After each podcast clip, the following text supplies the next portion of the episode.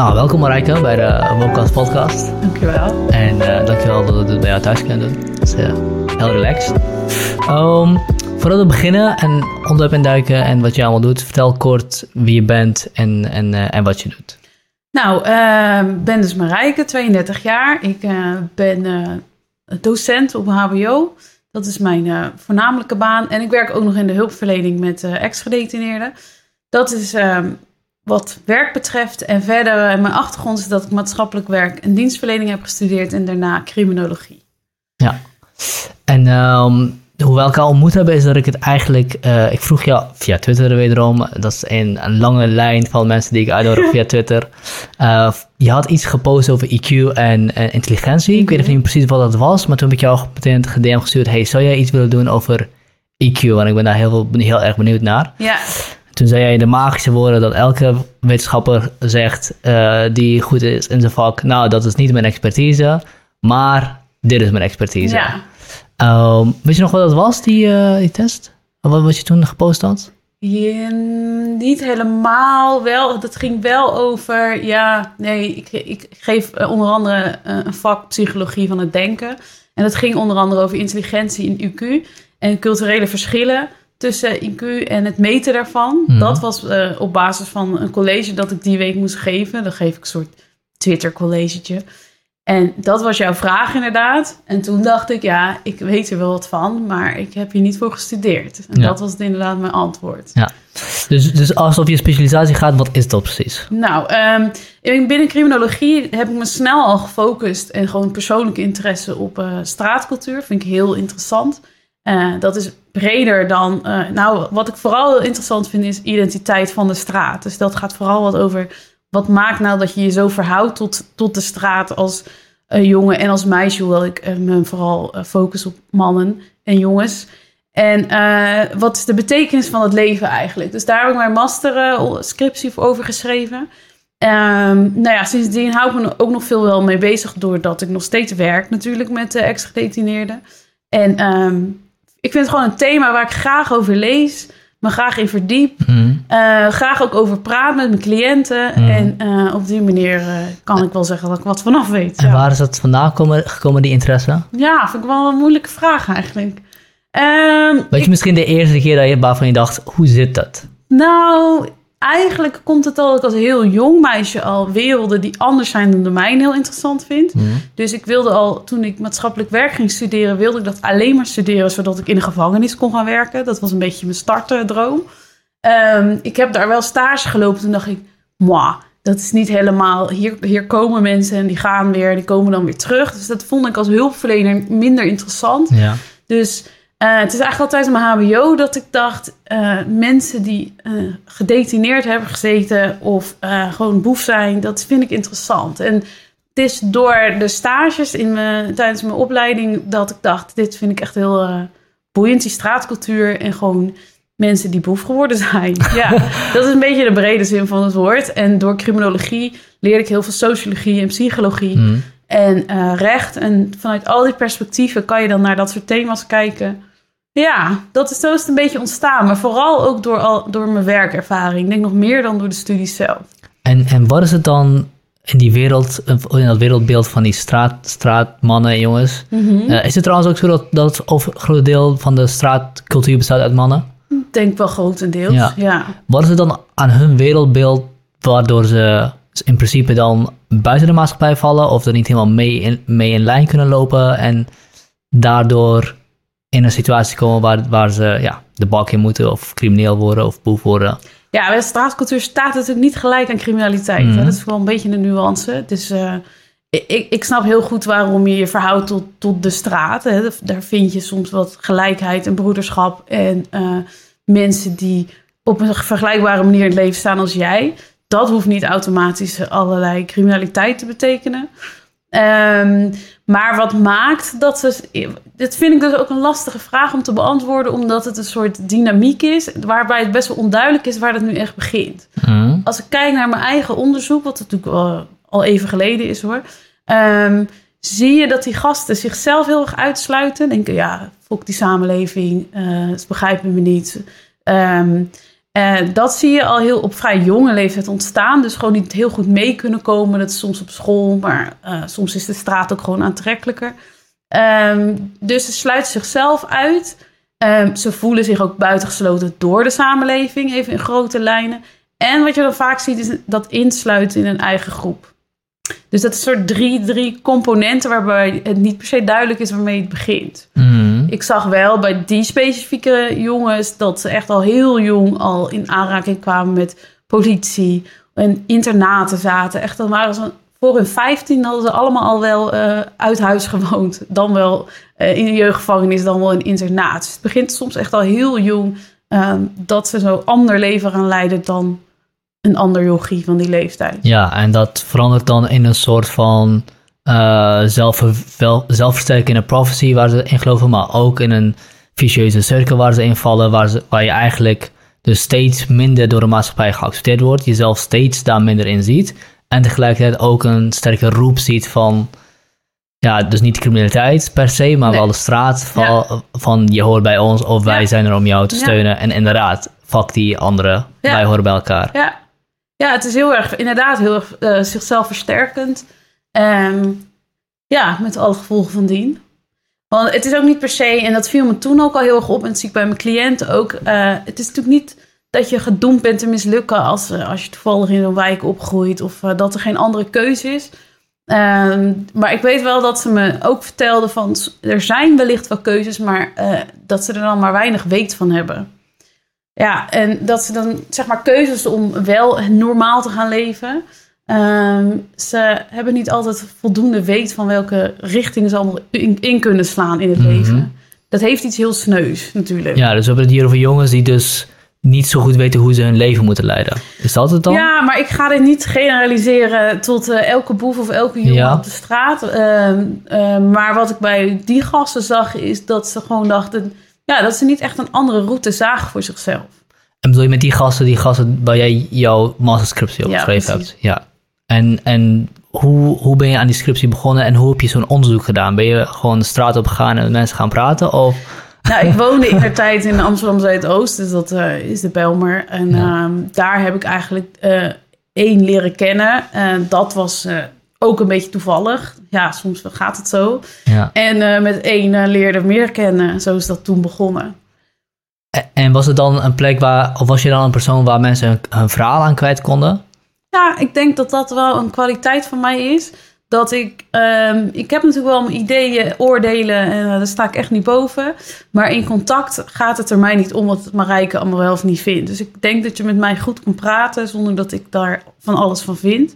En tegelijkertijd weet ik me ook goed te verhouden tot die gasten.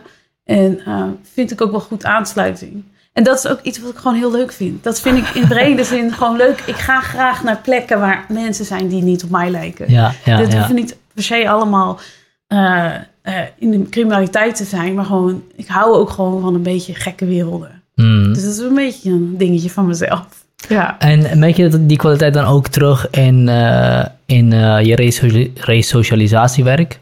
Ehm, daar ben ik sowieso benieuwd naar een paar ervaringen, maar eh, een van de, van de grotere thema's waar ik, waarin ik daarin da- in dat vlak in geïnteresseerd ben, is waar we het ook heel kort aan de telefoon hadden, was ik denk dat we, dat we het allemaal erover eens kunnen zijn dat we het liefst hebben dat mensen weer de maatschappij in kunnen. Ehm, de vraag is alleen wanneer is de cut-off point waarin je eigenlijk moet accepteren van deze persoon gaat dat niet lukken. Mhm. Tenminste, het gaat niet lukken zonder dat wij daar te veel aandacht aan moeten besteden, waardoor het ten koste komt van andere mensen of dingen of whatever. En we moeten accepteren dat dit gewoon, gewoon een verloren zaak is. Ja.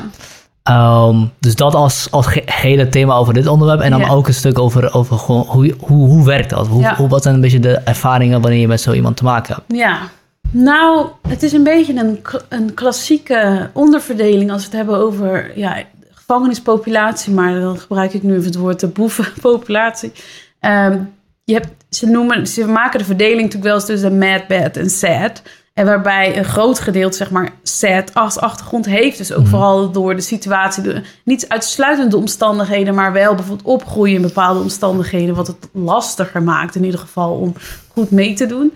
Ehm, je hebt de MAD, dat zijn natuurlijk mensen met echt psychiatrische problematiek. En vanuit dat gedrag en vanuit die stoornissen delicten plegen. En dan heb je een stukje bad. Want al die laatste twee zijn wel kleinere gedeelten. En bad zijn gewoon mensen die gewoon, wat jij beschrijft, eh, nooit gaan doen zoals wij zouden willen dat ze het zouden doen. En gewoon, ja, slecht is dan het woord. Maar gewoon, dat zijn gewoon de echte goede criminelen wat dat betreft. Ehm, die kom je dus in de praktijk ook tegen. Alleen Mhm. weet je dat op voorhand niet altijd. Ja. Ehm, en ik werk er nu 12 jaar, dus ik, eh, zou ze, ik kan ze als ik eh, terugkijk echt wel benoemen bij wat voor gasten het hem nooit gaat worden. Kun je dan een voorbeeld noemen van een moment waarvan je dacht, dit gaat nooit, nooit gebeuren? Ehm, zonder helemaal op de details Ja, in te gaan, zie, je, eh, zie je soms jongens die nog te veel zich verhouden tot, eh, tot de oude wereld. Ehm, dat zie je heel veel overigens. Dat is natuurlijk Ja. ook heel iets lastig als je natuurlijk uit detentie kom je bij ons terecht. Ehm, daarvoor heb je een delict gepleegd, dus dan zat je eigenlijk in de wereld van de criminaliteit. Mhm. Dan ga je vastzitten voor x aantal jaar en dan kom je bij ons. Dan ben je natuurlijk niet opeens boef af. In je hoofd is nog best wel een mentaliteit van overleven. eh, van een bias mentaliteit gemaakt. Dat woord gebruiken we wel eens. Ehm, dus je kan niet vanaf dag één zeggen of iemand het gaat ha- halen of niet. Je Ja. ziet alleen een soort een proces waarin de ene meer terechtkomt dan de ander. En je ziet een soort gehaaidheid soms, waarvan ik wel eens denk, ik denk dat eh, het niet per se heel lang gaat duren voordat jij weer achter de deur zit. En het- waar zit dat hem in? Dat zit hem in het gevoel, toch wel? Een beetje, Dat is gewoon jouw gevoel dan. ja, Ja. op basis natuurlijk ook wat je leest en meekrijgt van de cliënt.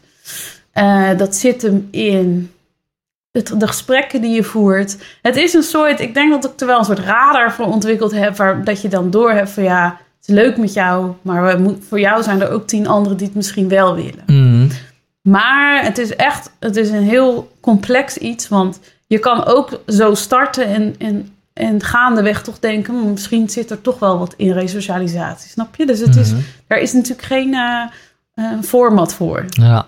Wat zijn een beetje de stappen dan waar, je- waar een, waar een, eh, een boef doorheen moet om te resocialiseren? Ehm, ik, nou, los, nou gewoon heel praktisch moeten ze natuurlijk wel gewoon eh, hè, de klassieke wonen, werken, wijf, eh, of wederhelft dan misschien, ehm, is iets wat vaak wordt gebruikt, ook vanuit de reclassering. Hè, de wonen en werken is natuurlijk belangrijke aspecten. Als je dat hebt, dan ehm dus een legaal inkomen, een dagritme, bindingen met de samenleving, krijg je natuurlijk door middel van werk en een relatie of vriendschappen, geloof zingeving zijn allemaal thema's waaraan wordt gewerkt. Mhm. Financiën natuurlijk, je ziet veel schulden. Dus dat zijn heel veel praktische punten waar gewoon op geïnvesteerd moet worden. Ehm, maar dan ben je er zeker nog niet. En ik persoonlijk eh, is denk ik de mentaliteitsverandering een eh, aspect wat het meeste tijd kost. Waar het meeste op geïnvesteerd moet worden. Wat het langste duurt en waar ook de meeste mensen, als ze uitvallen, door uitvallen. En wat is die mentaliteitsswitch die gedaan moet worden? Nou, ehm, je ziet vaak in de, eh, dat, er een, dat er een soort overlevingsmodus is. En het, het denken gewoon alleen in, in het nu. Mhm. Ehm, een soort modus van, eh, waarbij het heel erg om de persoon zelf gaat. Wat minder rekening wordt gehouden met de ander. En je ziet dat, dat het heel veel erg korte termijn denken is. eh, heel erg in het vandaag leven. En onze samenleving vraagt natuurlijk wat meer, meer zaaien en dan pas oogsten. En niet gelijk, Mhm. ik wil iets nu en dus regel ik het nu. Dus ik denk dat dat, die mentaliteit, is natuurlijk zoveel gedragsverandering wat dat moet... eh, eh, nou ja, als die mentaliteit veranderd kan worden, dan dat doet natuurlijk heel veel met gedrag. En dat is heel, heel moeilijk. En wat, wat zijn dan de dingen die bijvoorbeeld jij dan als een, eh, als een expert moet doen om, om te zorgen dat die mentaliteitsverandering überhaupt mogelijk wordt? Ja, dat, dat moeten we dus echt met elkaar. En daar ben ik me echt een marginaal rolletje. Heb ik daar natuurlijk in, eh, ook omdat ik niet eh, vol- voltijd werk.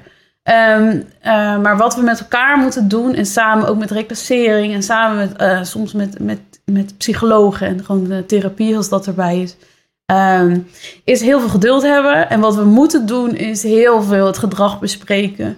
Dit is wat er gebeurt. Wat was het effect? Wat heb je gedaan? Waarom reageer je zoals je hebt gereageerd? Hoe zou je het de volgende keer anders kunnen doen? eh, successen ook wel, zeg maar, ja, vieren. Maar Mhm. dat, is niet, dat zijn niet de grootste stappen die worden gezet. Dat zijn soms hele kleine inzichten van... Hmm, misschien moet ik eens oefenen met eerlijk zijn. ja, of hmm, ik heb drugs gebruikt. Hè, want bij ons word je ook gecontroleerd op eh, drugs en alcohol. En nou, die uitslagen komen binnen. Daar wordt iemand mee geconfronteerd. Soms ontkent hij het. En soms ervaren ze hoe het is als je wel eerlijk bent, wat, wat er dan gebeurt. Dus het zijn soms hele kleine stapjes. die En, wat, wat, gebeurt er dan, als we eerlijk zijn? Ja, het verschilt echt per casus. Eh, ehm, drugsgebruik, dat mag natuurlijk niet. Dus Ja. je moet je soms melden weer bij de gevangenis. Moet je niet gelijk vastgezet worden, maar krijg je correctiegesprek. Het ligt, dat voert een beetje te ver, maar het ligt heel erg aan eh, de, het traject en aan allerlei randvoorwaarden. Ja, maar dan krijgt hij wel straf, Ja, toch? sancties. Sancties. En, en wat is het dan dat voor zo iemand kan, toch een positief kan voelen als hij toch eerlijk is? Nou, kijk, liegen. Wij, eh, als het echt over urinecontroles gaat, de, die, die uitkomsten liegen niet. Dus ja, jij kan wel of niet zeggen dat het zo is. Maar eh, dat, is niet, dat is niet, zomaar in je urine terechtgekomen. Dus, dus eh, ja, die smoesjes, daar, daar, dat is jammer dat ze dat vaak in moeten zetten. Maar eh, dat is niet alles bepalend, laat ik het zo formuleren. Ja, oké, maar wat ik bedoel is, eh, je- gaf aan van soms leren ze van, oh, het is toch niet zo heel erg, of, of ze ervaren een andere, ander iets als een keertje eerlijk zijn. Ja, Waardoor ik dacht dat je bedoelde, als ze er- ervaren een positief Klopt. element van een Nou, fout toeve- toegeven. Ik, ik, ik eh, wil echt niet te veel op de casussen ingaan hoor. Maar ehm, wat ik wel ervaren heb is... ehm, nou, dat als een cliënt zich moet melden... of als je gewoon oefent met eerlijk zijn... want kijk, wij zijn ook niet gek, zeg ik dan. Ik zeg- Mhm. Dan zeg ik bijvoorbeeld... ik werk hier al zo lang. Denk je nou dat dit smoesje van jou... dat we dat niet eerder hebben gehoord... Denk je nou echt dat wij dan denken... oh ja, ja hij zat op, opeens zat het in zijn urine... En dan door een beetje te confronteren eigenlijk met hun eigen gedrag en eh, het nadenken over wat beweer ik nu eigenlijk, gaan ze wel eens oefenen van nou oké, het, is, het is zo, ik heb een fout gemaakt, laat ik het maar gewoon toegeven en verantwoordelijkheid nemen. En dat is een ervaring die ze dan opdoen. En de gevolgen hoeven niet per se te zijn dat je gelijk in de gevangenis weer belandt. Mm, Eh, dus het ja. is ook gewoon ja, oefenen met eerlijkheid. Maar vooral, ik, ik maak soms fouten, die maken we ook allemaal. Maar ik neem ook verantwoordelijkheid voor wat ik misdaan heb. En Ja. misdaan is dan in dit geval, ik heb een keer gebloot, terwijl dat niet mag. Ja, ja, ja, ja. Da- en misschien leert iemand dan ook van, oh, als ik word niet altijd gepakt als ik mezelf blootgeef of zoiets. Want Ja. als je in zo'n overlevingsmodus zit, Ja. kan ik me voorstellen dat dat het ook het idee is. Ja, het is een beetje wij-zij denken vaak. Ja. En soms, ik bedoel, het is niet dat eerlijkheid, eh, het duurt natuurlijk het lang, zeggen we, maar dat er dan geen consequenties aan verbonden zijn. hè. Het is, het is, het is, ja, zo werkt het natuurlijk ook weer niet. Soms moet je, heb je het ook maar gewoon te dragen wat je verkeerd hebt gedaan. Ja. Ja, Ja. laten we wel realistisch blijven. Maar het, Ja, het klinkt als, dus- een beetje alsof, alsof jullie heel... eh, kijk, jullie moeten heel geduldig zijn. En jullie moeten ook echt willen...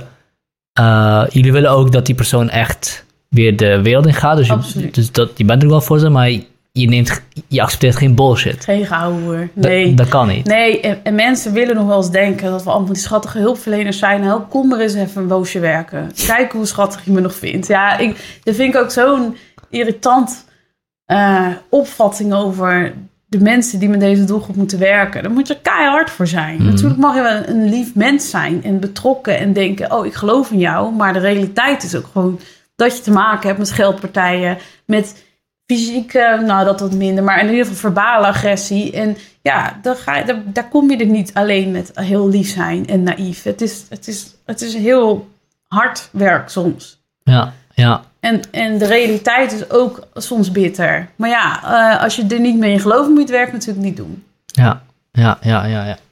Cool.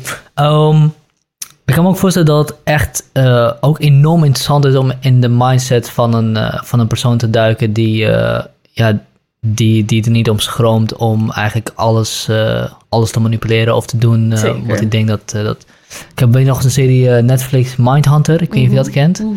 Daarvan, da- daar had ik eigenlijk heel graag meer willen zien van, ja, van, de, van de moordenaar zelf. Omdat die e- eigenlijk allemaal volgens mij één ding wel gemeen hadden. Om, volgens mij, en ik denk dat je dat wel vaker ook ziet. Hun slachtoffers hebben het verdiend, wordt vaak gezegd. En dat is wel interessant wat ik, wat ik vind. Ik weet niet of je dat terugziet in, uh, in jouw werk. Nou, um, dit is een Uh, serie. bullies. Bullies doen dat ook. Of ja, bullies, uh, pestkoppen. Ja. doen- eh, geven dat ook heel vaak aan als, voor zover ik weet, als rechtvaardiging voor wat ze doen. Ja. Iemand verdient het om Ja. zo behandeld te worden als hij zich zo gedraagt. Nou, daar heb je in de criminologie eh, ook wel gewoon interessante theorieën over, namelijk neutralisatietechnieken. Dat is wat ze natuurlijk doen. En dat één daarvan is zeg maar of gewoon het ontkennen van slachtoffer, of de, de schuld bij het slachtoffer leggen, of als ik het niet doe, doe een andere het wel. Dat is Oh ja. vaak met mensen die eh, drugs verkopen. Mm. Ja, hij, hij heeft het toch nodig. Ik, ik ben alleen maar de leverancier. Dus dat neutraliseren van gedrag, even los van die heftige voorbeelden die jij gebruikt, Ja. eh, dat is, eh, vind ik wel boef eigen, ja. Maar eigenlijk, en dat vind ik ook wel interessant, is het mens eigen. Ja, dat doet- Want wat doen we? Neutraliseren elk, alles wat we eigenlijk niet hadden moeten doen. Of dat het nou dat ene wijntje is, of toch door rood fietsen. Of hè, overal denken, joh, Ja. maar ja, het, het kan net. ja, ja, Of- ja. Ja. En dat vind, ik, dat vind ik dus het interessante van menselijk gedrag. Eh, er zijn regels, er zijn afspraken, dingen die niet mogen. En heel vaak neutraliseren we onze eigen fouten. Anders kunnen we het natuurlijk ook niet doen. Ja, Eh, we zien het ook heel vaak in debatten. eh, als, als mijn politieke tegenstander iets overkomt wat niet kosher is, dan zeg ik, nou, had hij maar niet zo gemeen moeten zijn Ja. tegen die personen. Zoiets. En andersom zeg ik dat het helemaal niet kan. Dus ja, dat, dat neutralisatietechniek noemde je het. Neutralisatie, ja. Komt, eh, komt denk ik inderdaad vaker voor dan alleen maar eh, de mensen waar jij mee samen moet werken. Ja, en die zijn er weer succesvol in. Maar ik vind het ook wel, want ik vind het ook wel interessant eh, onderwerp. Hè? Ook om met hen daarover te hebben. Omdat het natuurlijk, je kan dus heel veel goed praten. Terwijl het natuurlijk gewoon onwijs fout is. Mhm. Welk delict ook. dat hoeft heus niet de meest extreme te zijn, maar ook die. ehm, het is een vorm van rationalisatie. Hè? Dat, je, dat je er ook een beetje met jezelf kan leven. Maar ehm, dat is natuurlijk wel een onderwerp van gesprek. Van wat jij hebt gedaan, eh, is dat wel hoe je er tegenaan kijkt. Maar je snapt ook dat dat niet over één nacht ijs gaat. Dat is, ook dat is heel veel bewustwording. Ehm, stilstaan bij het feit dat je soms slachtoffers hebt. En ja, dat zijn thema's die je niet vanaf dag één soms kan bespreken. Daar moet je natuurlijk weer eerst een relatie voor hebben. En eh, ja, ik En zeg ook niet dat ze allemaal eh, tot die inzichten komen. Hoor. Ja. Want ehm, ja, het is vaak heel veel eigenbelang. En het is zeer veel, helemaal niet veel rekening houden met slachtoffer. Of eh, ja, dat, dat daar ook heel veel negatieve gevolgen aan vastzitten. Ja. Hoe ga je om met mensen die. eh, eh, want er zijn een aantal, aantal ideeën over hoe we omgaan met criminelen. Mhm. Ehm, en wanneer we ze berechten. Ene idee zegt, nou, ze moeten gewoon gestraft worden. Dat is het. Ze, moeten, ze hebben iets gedaan en ze moeten een prijs betalen voor wat ze gedaan hebben. Het liefst zo zwaar mogelijk. Ja, Ehm, en om iets te voorkomen moeten we vaak ook dus de straf verzwaren. Wat volgens mij ook helemaal niet klopt. Tenminste niet, niet uit wetenschappelijk onderzoek uit voortgekomen is. En er is nog een andere denkwijze. eh, het zijn volgens mij wel meerdere rechtvaardigingen. Maar volgens mij de, de, de hele andere is meer een soort van ehm quarantaine-idee. Van iemand heeft een, eh, een daad gepleegd. We weten niet zeker of dat nog een keer gaat gebeuren. Of het is gevaarlijk dat hij het nog een keer gaat doen. Dus we moeten hem voor die tijd uitschakelen. In quarantaine zetten met de maatschappij. onschadelijk maken. Onschadelijk Ja, maken. precies. En we moeten er alles aan doen om Ja. te zorgen dat hij zo goed mogelijk weer de maatschappij in kan komen. Ehm, Dat zijn ze wel, ja, onze strafdoelen. ja, de, de meeste, ik, ik heb het idee, ik, heb, ik weet niet zeker, ik heb het idee dat de meeste mensen aan de strafkant zitten. Eh, maar dat kan natuurlijk ook mijn kleur zijn. Ja. Ik, ik durf daar geen uitspraken over te doen. Ja. Dat, zou je, dat zou je moeten meten. Dat heb ik niet gedaan. Eh, maar we hebben in Nederland natuurlijk vergeldingstheorieën. En dat betekent dat het een combinatie is van beide kanten. Dus deels dient een straf als straf. Dus dat is gericht op het verleden. Jij hebt iets gedaan. Dat Ja. vereffenen we door middel van vrijheidsbeneming. Want dat is feitelijk wat er met de gevangenisstraf gebeurt. Dus dat is een vorm van vergelding. Je hebt de boete. Jij hebt zeg maar de maatschappij ontwricht. En door jou daaruit te halen, herstel je dat eigenlijk voor ons als samenleving. Dat is Ja. de ene kant. Maar we hebben ook de theorieën. Die zitten allemaal in straf ingesloten. Natuurlijk dat stukje af, afschrikking zou moeten zijn. Oh ja. Dat is de, inderdaad maar de vraag. En ehm, dat, eh, dat ze ook ja, het niet meer doen. Dus de, om recidive, dus herhaling van gedrag te voorkomen, eh, dat is ook een doel van de straf. En door middel van onder andere resocialisatie. Wat dus niet alleen maar in detentie is, maar daar, dat het idee van straf is dat wel. Ja. Werkt dat het, het straf zelf om mensen te resocialiseren, dus zonder dat hele traject? Nou, Eh, ik, want ik, ik heb het idee als je allemaal mensen die, eh, die buiten de maatschappij vallen bij elkaar in een hokje stopt, dat dat niet echt bevorderlijk is voor iemands beeld van de maatschappij. nee, nee, ehm, nee. eh, ze noemen natuurlijk wel de Universiteit van de Criminaliteit, de gevangenis. Dus eh, dat is niet voor niks. Nee, dat is op zich een ideale soort LinkedIn in de baai. Is natuurlijk goed voor je, voor je netwerk. Ehm, dus ja, kijk, het is geen ja, het is geen nee. Dat zal heel erg persoonsafhankelijk zijn. Eh, er zijn echt wel initiatieven, ook in detentie, die, waarbij ze in ieder geval voorbereid worden op de terugkomst. Dus daar Mhm. zitten ook wel programma's. En, maar de realiteit is ook dat dat een lastige plek is om te resocialiseren. Door, ja, door gewoon de verhoudingen in de gevangenis, de hiërarchie in de gevangenis, de, de, ook die overleven. Eh, ik sprak recent nog een cliënt die zegt, ja, ik de- deed altijd de gordijnen dicht in mijn cel, want de buitenwereld bestaat gewoon niet. Hmm. Want dat is de enige manier voor mij om die tijd uit te zitten. Ja, dan kan je hem wel heel erg willen voorbereiden. Maar hij is gewoon bezig met, ik zit mijn tijd uit, tuchten noemt hij het. En dan eh, zien we wel weer verder. Dus ja, helpt het? Eh, ik denk dat er zat zijn die denken, nou dit nooit weer. Mm. Of dat dan ook maakt dat ze ook nooit meer een delict plegen, is natuurlijk niet zo. Want recidief is erg hoog. Wat, wat doet dat met een persoon om tien jaar in een cel te zitten? Dat vind ik wel interessant trouwens. Wat, wat je zegt over die persoon die zichzelf gewoon afsloot. Ik weet niet hoe lang die in de cel heeft gezeten. Maar zo. sommige mensen zitten tien jaar letterlijk in een, in, een, in een blok afgesloten van de samenleving. Alhoewel volgens mij dat tegenwoordig niet meer helemaal het geval is. Want je hebt internet, toegang tot het internet, geloof ik. Nou, nee, niet vrij. Tenzij Niet ze vrij. natuurlijk iets op, tele- op cel hebben. Ja.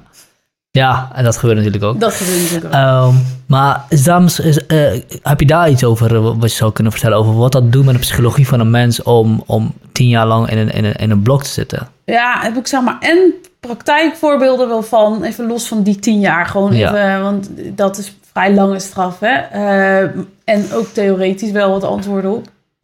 Vanuit de theorie of vanuit de criminologie zie je natuurlijk detentieschade. Hmm. Dus dan eigenlijk gaan mensen heel erg institutionaliseren. Ofwel, ja, ehm, er wordt zoveel zeg maar, vrijheid natuurlijk ontnomen. En dat is allemaal legitiem. eh, Hmm. Maar ook keuzevrijheden. Dus ze, ze passen zich heel erg aan aan het systeem van, een, van de gevangenis. Dus dat, dat, dat levert soms dus detentieschade op. En met, met gewoon ja, veel impact op zelfbeeld, op zelfvertrouwen, op het gevoel controle te hebben over het leven. Hmm. Dat is wat dat doet. In de praktijk, ja, kijk, als zodra ze bij ons komen of op mijn werk, dan je hebt wel eens gasten die zo lang weg zijn geweest, zo gezegd, dat je amper weten wat voor telefoons er nu zijn. Of is de samenleving heel erg veranderd? Die verandert natuurlijk sowieso heel snel. Ehm, ik denk vooral dat in de bias er heel veel wantrouwen wordt versterkt. En dat Hmm. dat is waar wij als eh, hulpverlening mee moeten dealen. Maar ik, ook dit kan ik niet op, op elke ex-gedetineerde Ja, plakken. ja, ja, ja. Dus ik zie vooral een soort wij-zij-mentaliteit. Eh, gisteren noemde een cliënt nog de leiding. Ik zeg, we zijn hier geen kamp. Maar gewoon eh, een soort van, nou, ja, gewoon zo'n ja, heel erg wij-zij en eh, wantrouwen. Niet dat de ander, de ander is niet, per, niet gauw oké. Terwijl je eigenlijk natuurlijk wil dat dat wel zo is. Dat dat wel het geval ja, is. dat Ja. er gezond eh, vertrouwen ontstaat. Maar dat is, dat is een ideaal. Dat is zeker niet de realiteit. Interessant. Eh, we hadden ook nog over die, eh, die zwaardere straffen. Mhm. Ehm, we, we- de laatste paar weken, of ja, een paar weken geleden wa- waren er een aantal berichten en, en talkshows over wapenbezit bij jongeren. En eh, dat dat steeds groter wordt en meer wordt. Nou, ik ben benieuwd of dat het geval is. En eh, over een aantal initiatieven om dat eh, tegen te gaan. Eén was zwaarder straffen en twee was de uitkering van ouders, volgens mij, eh inkorten.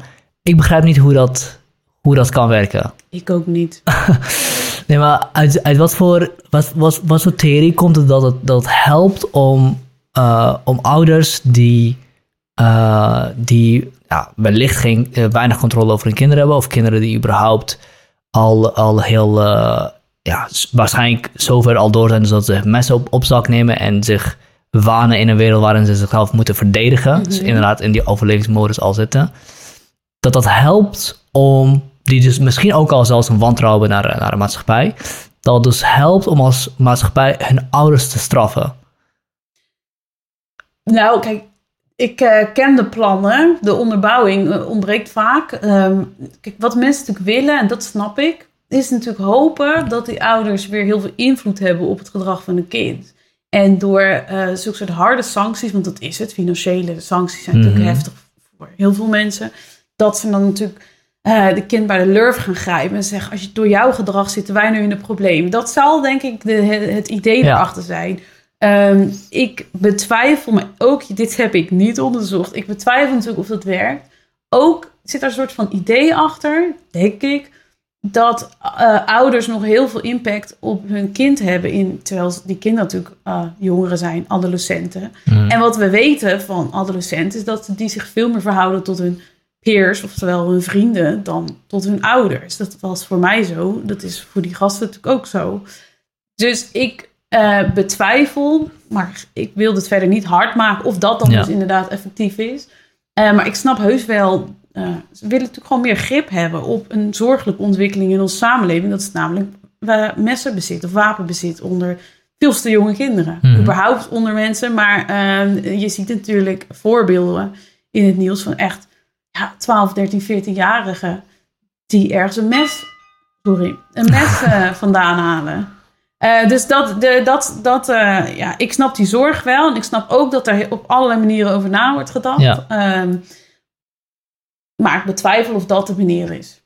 Z- Zijn er voorbeelden van, eh, van andere landen die, die het wel geprobeerd hebben op, andere, op, op een andere manier, wat in, een- in een soortgelijke situatie, wat wel wat duidelijk gewerkt heeft? Nou, maar dat, dat gaat dan even niet over ouders hoor. Maar ik zeg niet dat het niet is. Nee, nee, sorry. Niet, niet of ze dit maatregel gebruikt hebben, maar maatregelen gebruikt hebben om wapenbezit onder jongeren te verminderen. Nou, kijk, ehm, het- als we het specifiek over die, over die drillrap en over messenbezit, ehm, dat, dat is natuurlijk ontstaan eh, in Chicago en in, in, in gewoon de, de slechtere wijken van zo'n grote stad. Mhm. Dat heeft, eh, is in Londen natuurlijk ook, eh, is dat ook heel veel aan de hand. En eh, nou ja, wij hebben dat nu dus ook. Ehm, wat ik een heel mooi, ik heb er veel over gelezen, ehm, ook in Chicago, is dat ze dan, zij zien eigenlijk daar eh, geweld als een soort gezondheidsprobleem. En Hmm. met geweld creëer je geweld natuurlijk. Dus dat, dat verklaart ook waarom bijvoorbeeld in de ene wijk dat veel meer is dan de ander. Ja. Ehm, want jij begint, een ander reageert daarop, die, moet, die ander moet daar weer op reageren. En zo krijg je een soort spiraal van geweld. Sorry, ik ontbreek je van. Ik heb het idee dat je microfoon steeds omlaag aan het gaan is. Zou je hem iets hoger willen zetten? Even dit, en nu omhoog. Ja. Oh, hij is steeds aan het switchen.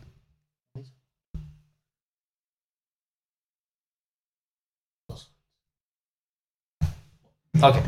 Chicago. Het Ja. is, eh, zij zien het als een gezondheidsprobleem. En die jongeren inderdaad zeggen ook heel vaak... de weet, de, de- daar wordt dan zeg Oké. niet per se En, eh, iedereen. En die, jongen, die jongeren zeggen ook inderdaad heel vaak: ik draag een mes omdat andere mensen, mensen, mensen me- mes dragen en mezelf moeten verdedigen. Dus inderdaad, met, als de een het heeft, dan moet de rest het ook wel doen. Ja. Kijk, ehm, dat is iets, dat is zo, gewoon zo sociologisch. Hè? Het ene beïnvloedt het gedrag van de ander en je creëert ook een soort eigen werkelijkheid. Dat zag ik bijvoorbeeld ook bij mijn onderzoek. Maar ik woonde in dezelfde wijk, maar ik voelde me nooit onveilig in het Zuidoost. Hmm. Die gasten hadden het gevoel dat er constante oorlog was. Terwijl je bewijs van naast elkaar over straat kan lopen. Hmm. En dat vond ik dan zo gek. En dan ging ik dat wel uitvragen. En dan was het ook gewoon... Voor hen is er een realiteit waarin eh, geweld op de loer ligt. Of dat nou ja, wapengeweld is of wat voor vorm dan ook.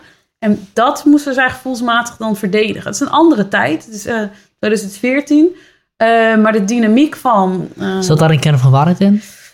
vind ik moeilijk te zeggen. Ja. Ja, dat ik, dat, weet je wat ook een mooie uitspraak is? Is natuurlijk eh, de bekende... If men define situations as real, they are real in their consequences. Dus als je het maar met elkaar daarin gelooft... Ja. dan zie je natuurlijk de realiteit is dat er daadwerkelijk ehm, mensen doodgaan.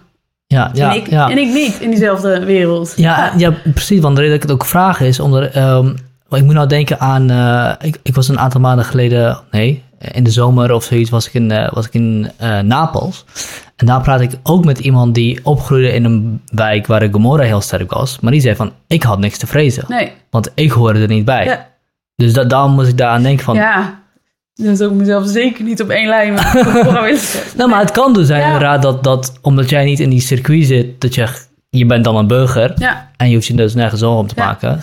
Ja nou ja, de, ja dat, ik denk dat dat wel degelijk, nou, dat weet ik wel zeker, een rol speelt natuurlijk eh, onderling tussen bepaalde mensen, groepen, dynamieken. Zijn er ja, werkelijkheden die wij niet hebben. Mhm. En dat is er eentje is daarvan dat er heel geweld kan zijn en dat de ander in dit, bij deze huidige gasten je kan neersteken.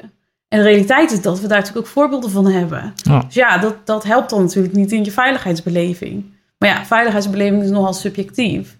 Ja, eh, in deze wijk waar ik woon zijn, zullen ook veel mensen zich onveilig voelen, maar ik niet. Ja, waar heeft dat mee te maken? Met heel veel factoren. Mhm. Het is ook maar tot wie je je verhoudt en wie je belangrijk vindt. En ja, dat zie je op straat natuurlijk veel. Dat, eh, dat ja, groepen natuurlijk elkaar eh, uitdagen. En dan ga je dat heel belangrijk vinden. Ja, daar kunnen we lang of kort over praten. De gevolgen zijn natuurlijk vreselijk. Ja, ja.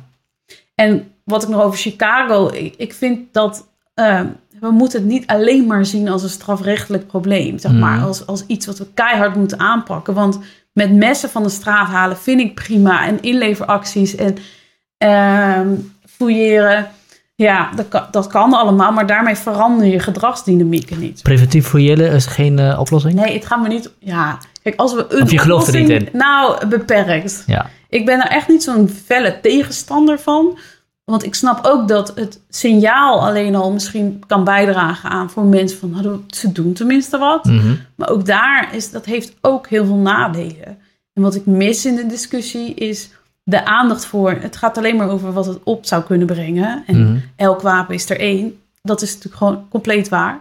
Maar ook elk uur dat de politie daar besteedt, zijn ze niet ergens anders het Mm. aan het besteden. En eh, het, is natuurlijk niet, het is natuurlijk heel erg, ehm, ja, dat fouilleren eh, levert vast wel wapens op. Maar die jongens die staan natuurlijk niet elke keer te wachten met een wapen wanneer ze het weer kunnen afdragen aan de politie. Die Ja. zijn natuurlijk ook wel wijzer dan dat. Ja. Dus ik vind dat daar wel eens wat meer ook naar de kosten gekeken mogen worden. Dat is financieel, dat is tijd. Maar eh, er is bijvoorbeeld ook onderzoek in eh, Engeland naar stop and search. Dat is net iets andere methode hoor. En die, doen ook eh, die gaan ook op zoek naar drugs. Dat hebben wij natuurlijk mm, minder. Ehm, maar de effecten voor de onderlinge verhoudingen tussen politie, of overheid en eh, die wijken, ehm, daar, nou, het heeft daar negatief effect op. Mhm. Eh, het, het, ver- het wantrouwen naar de overheid groeit daardoor. Dat is een keuze. Ik zeg, ik zeg echt niet, dus Ja. moet je het wel of niet doen. Want ik, Ja. ik snap ook echt wel waarom je het wel zou doen. En leidt die wantrouwen dan ook tot meer criminaliteit? Dat ga ik niet durven zeggen. Nee. Ja. Nee, maar ehm, ik vind het wel eens jammer hoe daar zo simpel over gedacht wordt. ja. Eh, maar ik vraag me altijd af, hoe zien ze, de mensen die er zo voorstander voor zijn, hoe zie je dat voor je? Dat op elke hoek een agent staat? Of ehm, eh, ja, gewoon de, de, de realiteit lijkt me zo eh, Ja. interessant. Ja. Nogmaals, ik ben niet tegen. En je hoort natuurlijk ook moeders in die wijken zeggen, ja, ga dat dan doen. En denk ik, als, als die vrouwen zich dan misschien veiliger voelen, of oh, ouders in het algemeen, is dat natuurlijk ook winst. Ehm, maar laten we niet eh, de kosten en wat het dus allemaal, ja, wat het dus kost, eh, Ja. negeren. We hebben inderdaad een beperkt aantal resources. En eh, je kan misschien wel inderdaad een agent op elke wijk zetten, maar wat mis je dan? Wat, wat kun je dan niet doen? Dat is denk ik de vraag die, die, Ja. die je wilt, wilt stellen. Wat, waar kun je het beste je beperkte resources aan besteden? Ja, het lijkt net soms alsof we een soort onbeperkte eh, politiekorps hebben. En dat is natuurlijk onzin. Ja. Dat weten we maar al te goed. Ehm, maar goed, ik ga niet over politieuren. Dus als dit besluit is, dan prima. Maar ehm, ja, wat ik zeg, als je, als je er alleen zo strafrechtelijk naar kijkt... Of, of vooral vanuit repressie en aanpakken... En, dan mis je wel heel erg het stuk van gedragsproblematiek... en van het elkaar aansteken... en van Mm, dat dat soort ja, destructief gedrag zou doorbroken moeten worden. En dat ga je niet doorbreken met heel hard aanpakken. Wat, zou je, wat zou je dan graag willen zien op dat vlak? Nou, er gebeurt gelukkig al wel een hoop op dat vlak. Ja. Ehm, ik, eh, als ik bijvoorbeeld kijk naar het voorbeeld in Chicago, hoe ze dan bijvoorbeeld violence interrupters Ja. en, en eh, Misschien is het goed om dat voorbeeld in Chicago gewoon even wat uit te leggen. Want dan is- als dat een goed voorbeeld is van hoe ze dat aangepakt hebben daar. Nou, kijk, de Chicago staat nog steeds bol van de criminaliteit en liquidaties en moorden en wat al niet meer. Dus eh, eh, er is helaas niet zomaar een oplossing. Maar wat ze in Chicago specifiek met, met die messen of met geweld, sorry, doen, is in bepaalde wijken ook vooral die credible messengers inzetten. Dus dat zijn mensen die die wereld begrijpen, misschien daartoe eh, daarvan deelgenoot zijn geweest Ja. dat hebben losgelaten en in die rol een meer rolmodel kunnen zijn dan ik of een ander. Ja. Ehm, maar goed, die kunnen heel erg, zeg maar, ook cognitief bezig gaan met die gasten over eh, wat de gevolgen zijn, eh, het spiegelen van gedrag, maar ook het begrijpen van gedrag. Alleen kijk, daar zitten ook heel veel nadelen of keerzijden aan. Want mensen inzetten die de straat kennen, eh, kunnen ook, hè, die snappen het soms misschien iets te goed. En dat is natuurlijk een risico. Dat is, wat zou dat voor gevaar kunnen opleveren? Dat ze het gaan naar hun eigen hand gaan zetten? Nou, kijk, je, je een credible messenger. Double agents. Ja, nou ja, eh, eh, er zit gewoon een keerzijde in van rolmodellen. Namelijk, die snappen het soms nog te goed. Ze hebben, zijn die voldoende los van de straat. En als je dan weer helemaal los daarvan bent, hebben ze dan nog wel genoeg eh, credibility. Snap je? Dat is een soort eh, ja, moreel probleem waar ik natuurlijk het antwoord ook niet op heb. Maar je hebt natuurlijk wel heel goede mensen op straat die eh, toegang hebben. Het is alleen heel veel investering. Je hebt daar goede wijkagenten. Als je kijkt even naar onze situatie. Mhm. We moeten ons echt niet vergelijken met eh, Amerikaanse stedelijke problematiek. Ehm, het blijft investeren naast de aanpak die er gewoon is. Want nogmaals, ik vind dat echt prima om daar ook gewoon flink op in te zetten. En ook gewoon hè, politie en justitie en wat al niet meer. Alleen om echt straatdynamieken te doorbreken. En misschien de vraag is, is dat goed te doorbreken? Ja. Want ik bedoel, criminaliteit is van alle tijden. Waarom zouden we dan nu denken dat het wel even allemaal veranderen kan? Ja, ja.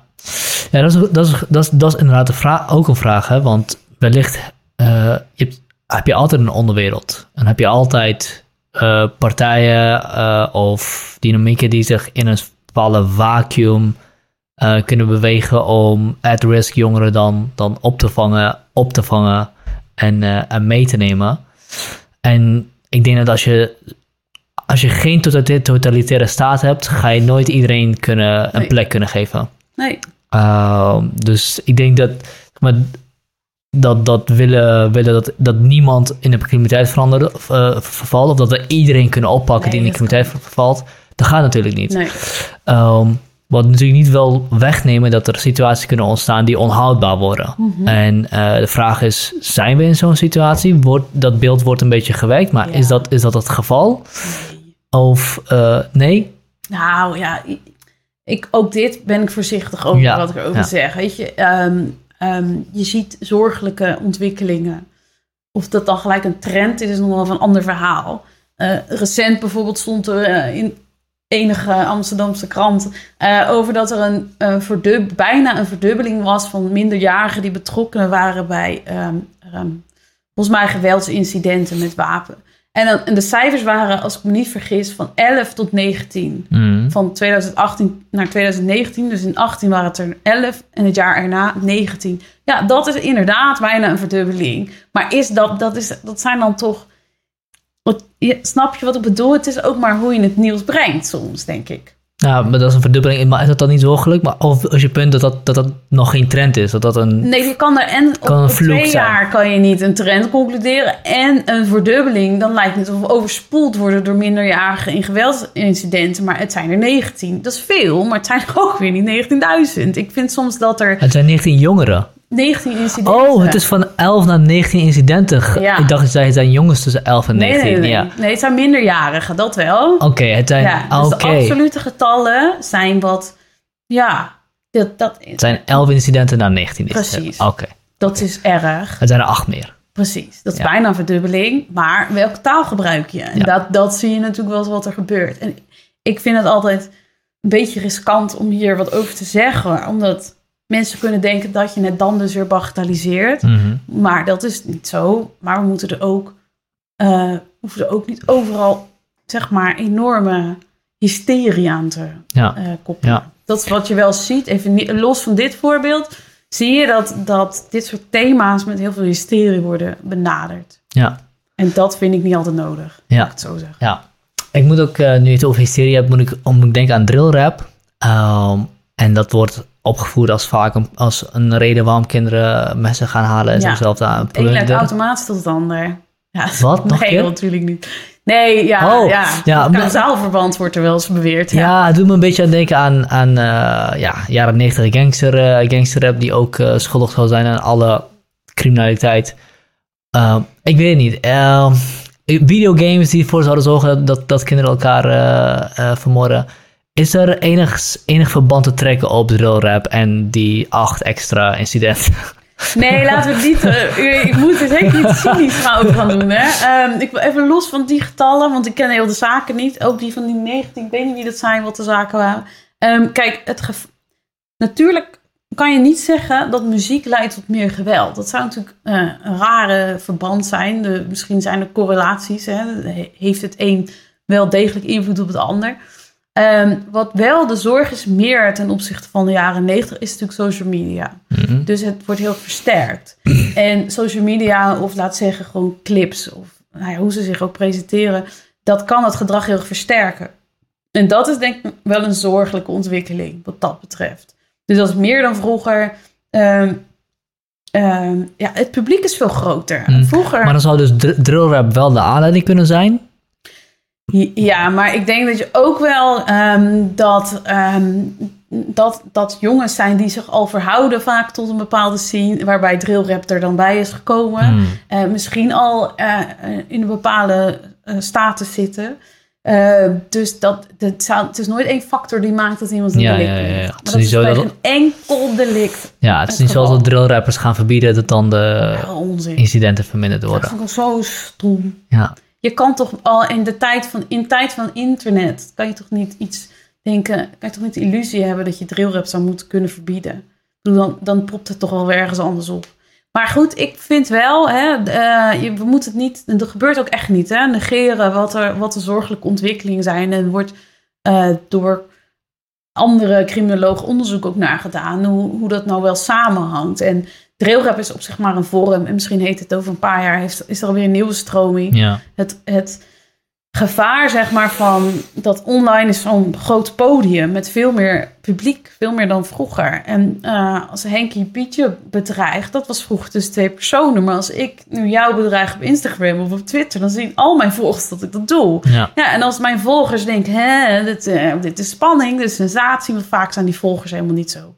Ja, die hoeven helemaal niet per se in die scene te zitten, maar die zien een soort beef, hè, een soort ruzie ontstaan. Een beetje Ja. ramptoerisme. Ja, dat zit er echt Ja. wel in hoor. En Ja. dan denk jij, ja, oké, shit, ik moet er hier wel op reageren. En dat zijn dynamieken ehm, waar en heel veel onderzoek naar gedaan wordt, maar ook waar, wat terecht natuurlijk een zorg is voor eh, jongere werkers en ook, ook beleidsmakers. En hoe speel je daar nou goed op in? Dus, dus ik wil er ook nooit zeg maar alleen maar ironisch over praten. Want ik, Ja. ik zie die zorgen ook. Alleen, eh, of ik, ik deel die zorgen zelfs.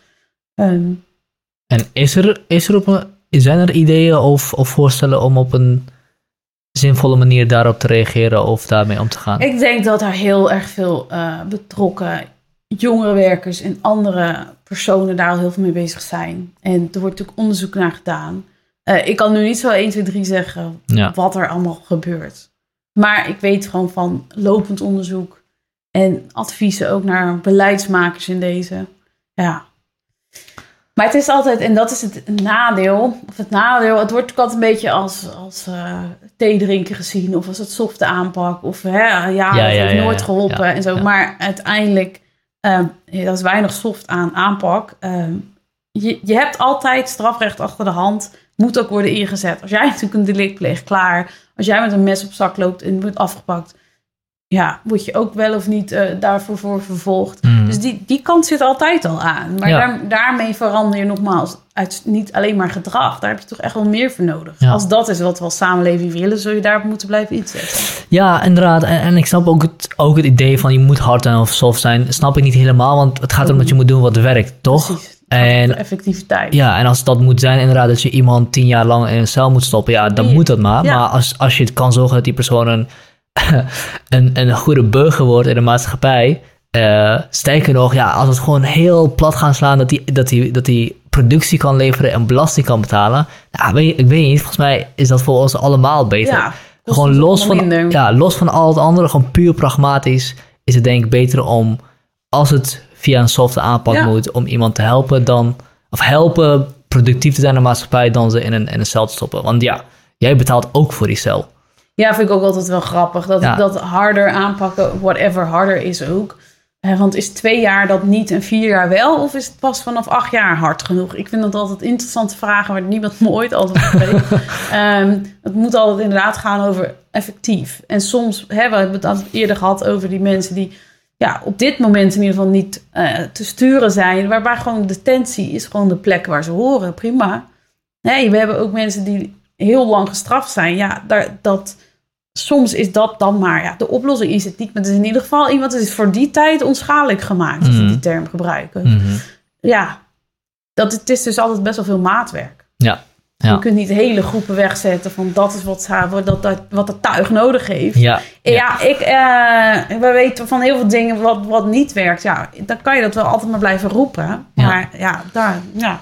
het is maar wat je wil. over hele groepen wegzetten. Eh, als, als we het hebben over straatcultuur, dan moet ik toch echt wel denken aan, aan, eh, aan Marokkaanse jongetjes. En, en dat is natuurlijk, natuurlijk gewoon een voordeel van mij. Maar ik merk gewoon aan mezelf dat als, als je zegt straatcultuur, dat ik denk jongetjes met een petje, staan op straat, te lummelen. eh, wat natuurlijk, ja, dat is, gewoon natuurlijk onzin. Want straatcultuur bestaat uit meer dan alleen maar één cultuur of één, eh, één identiteit. Mhm.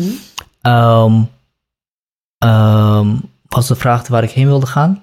Oh, ja. Ehm, maar in de discussie erover, in het debat erover, is het wel echt een heel sterk, is het tegelijkertijd ook een heel sterk, sterk issue. En aan de ene kant zijn er mensen die, de, die het heel graag willen gebruiken als een hamer, van Zeker. zie je wel.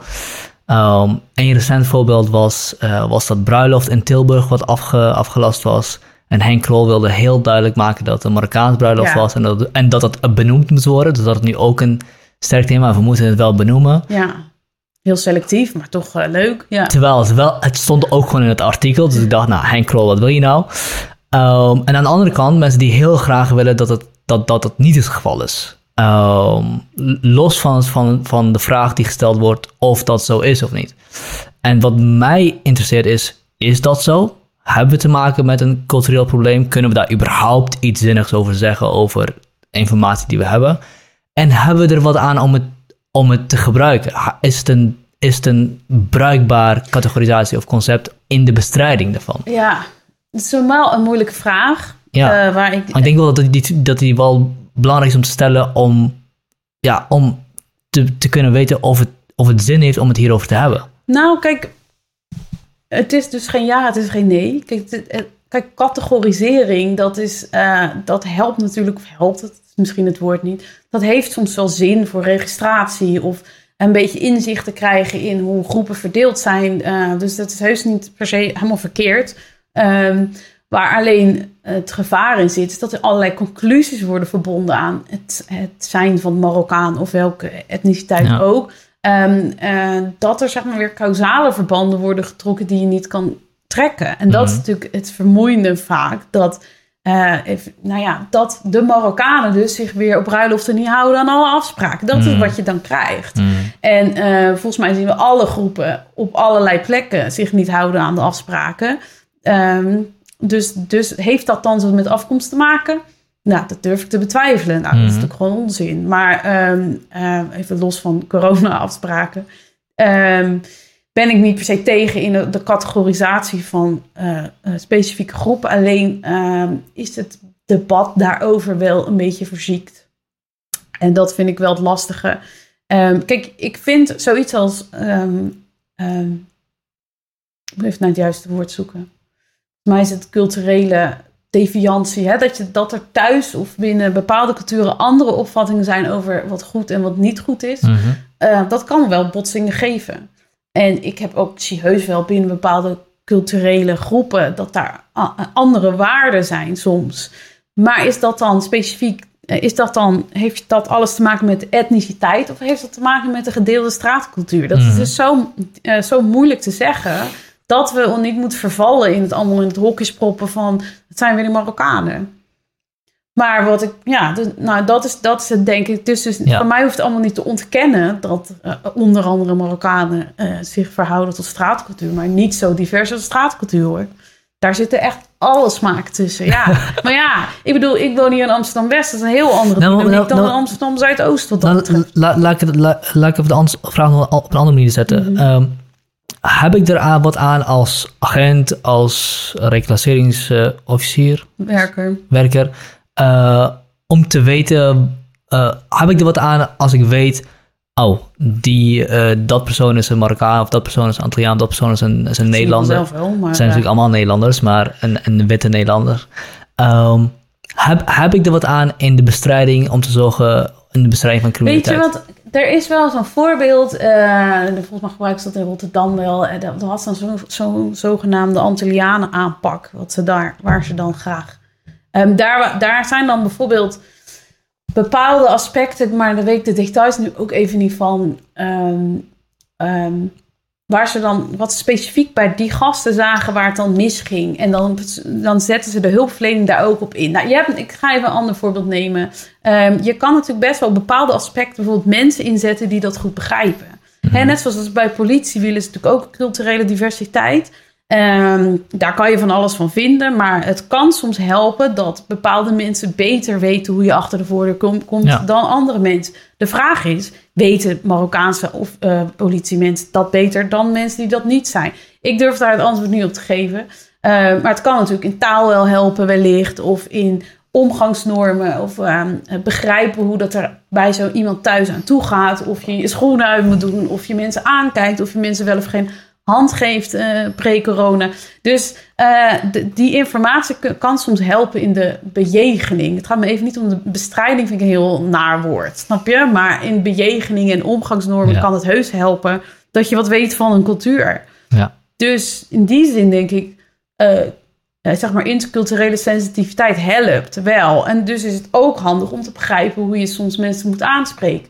Ik weet van mezelf, als ik kijk naar mijn eigen doelgroep, maar dat heeft niet alles met, of eigenlijk weinig met afkomst te maken, maar meer. ehm, sommige jongens moet kan je wel heel erg publiekelijk gaan shamen, maar dan ga ik ze nooit mee eh, in de juiste richting helpen Mhm. kan ik heel ehm, dat gedrag heel erg benoemen en een beetje, ja, een beetje voor gek zetten bijvoorbeeld. Of heel erg eh, publiekelijk aanspreken. Ja, maar ehm, wat heb ik daaraan als het effect alleen maar agressie is? Ja. Dus Ja. dan weet ik, dit soort gasten die nogal een enorme trots hebben, heel veel eer, dan kan ik wel ehm, heel erg met mijn bejegening, omdat ik vind dat ze dat maar moeten kunnen leiden. Ja, dat, dat, dat, dan denk ik wel eens, dan moet ik een beetje laveren. Ik vind ook wel dat hij op den duur maar een beetje voorbij die trots moet. Maar ja, dat is soms een beetje geven en nemen. Snap je wat ik bedoel? Dus ik vind dat het voordelen heeft om aspecten te begrijpen van bepaalde culturele uitingen. Alleen cultuur is natuurlijk niet etniciteit. Cultuur is straatcultuur is ook cultuur. Of Mhm. Amsterdam West kent ook een eigen cultuur ten opzichte van Amsterdam Zuidoost. Ja. Cultuur is zoveel meer dan eh, waar Ja. ze het graag over hebben. Ja, ja.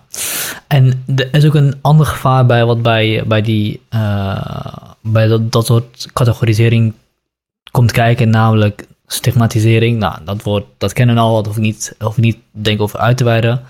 Ehm, en er, ontstaat ook een probleem wanneer je zegt inderdaad van, ja, Marokkanen hebben een criminaliteitsprobleem. Ja. Dat is natuurlijk, dat, dat is gewoon onwaar. Want het is niet zo dat Marokkanen een eh, criminaliteitsprobleem hebben, of dat Antillianen een criminaliteitsprobleem hebben, of dat eh, eh, at risk, whatever, dat hebben. Het is dat, dat van de personen die in een eh, situatie zitten, die wellicht kan, die, die meer ruimte geeft om te vervallen in zo'n, eh, in, een, in een traject die buiten de maatschappij valt. Ehm, ik weet niet hoe, je moet, hoe ik dit moet uitleggen. Ehm,